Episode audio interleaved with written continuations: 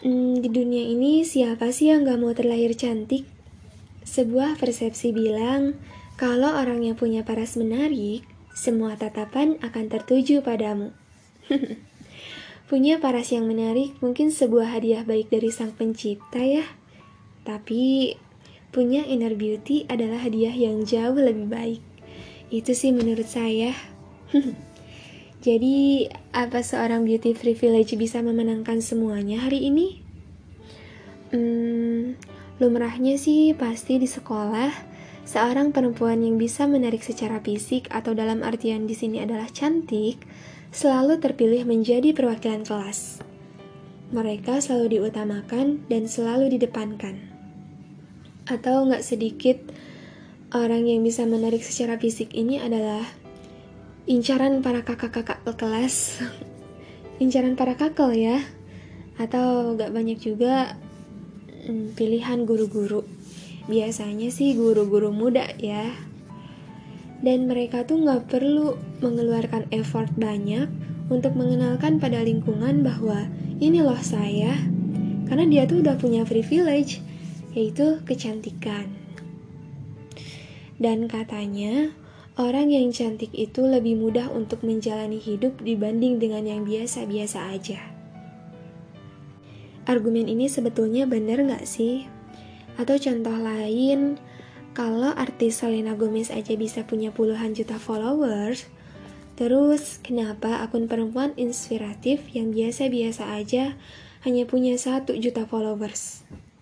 Terus, kasus yang dulu menimpa Kak Jeffrey Nicole ya, yang dulunya pernah terjerat maaf kasus narkoba, para netizen lebih banyak mengumbarkan kata-kata suportif atau semangat Kak Jeffrey atau gimana lah gitu.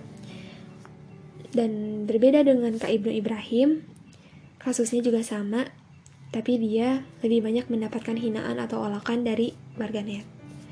Jadi bisa disimpulkan bahwa beauty privilege itu nyata Emang harus banget ya semua dikaitkan dengan fisik. Zaman sekarang jadi banyak deh orang yang berlomba-lomba buat jadi orang yang cantik. Hmm, dan gak hanya itu, efek dari beauty privilege ini juga dituntun dari masalah pekerjaan. Tahun-tahun ini banyak perusahaan yang buka lowongan dan gak jarang dalam salah satu syaratnya itu adalah harus good looking.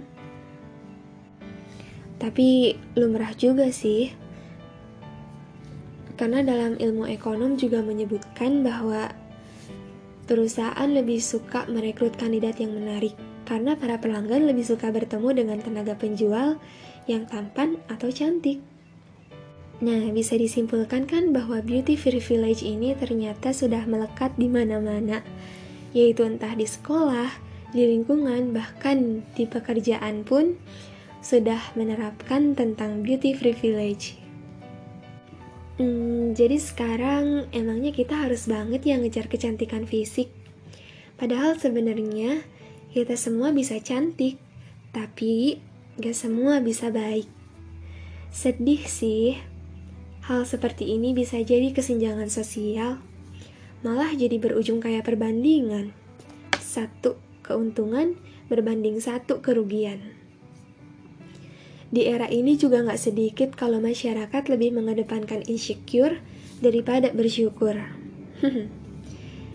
hmm, jadi untuk perempuan yang sekarang sedang insecure karena ngelihat orang-orang yang jauh lebih menarik dari kamu, ingat banyak manusia cantik yang kadang nggak seberuntung kita. Kadang mereka malah diguna-gunain atau bahkan jadi bahan pelecehan.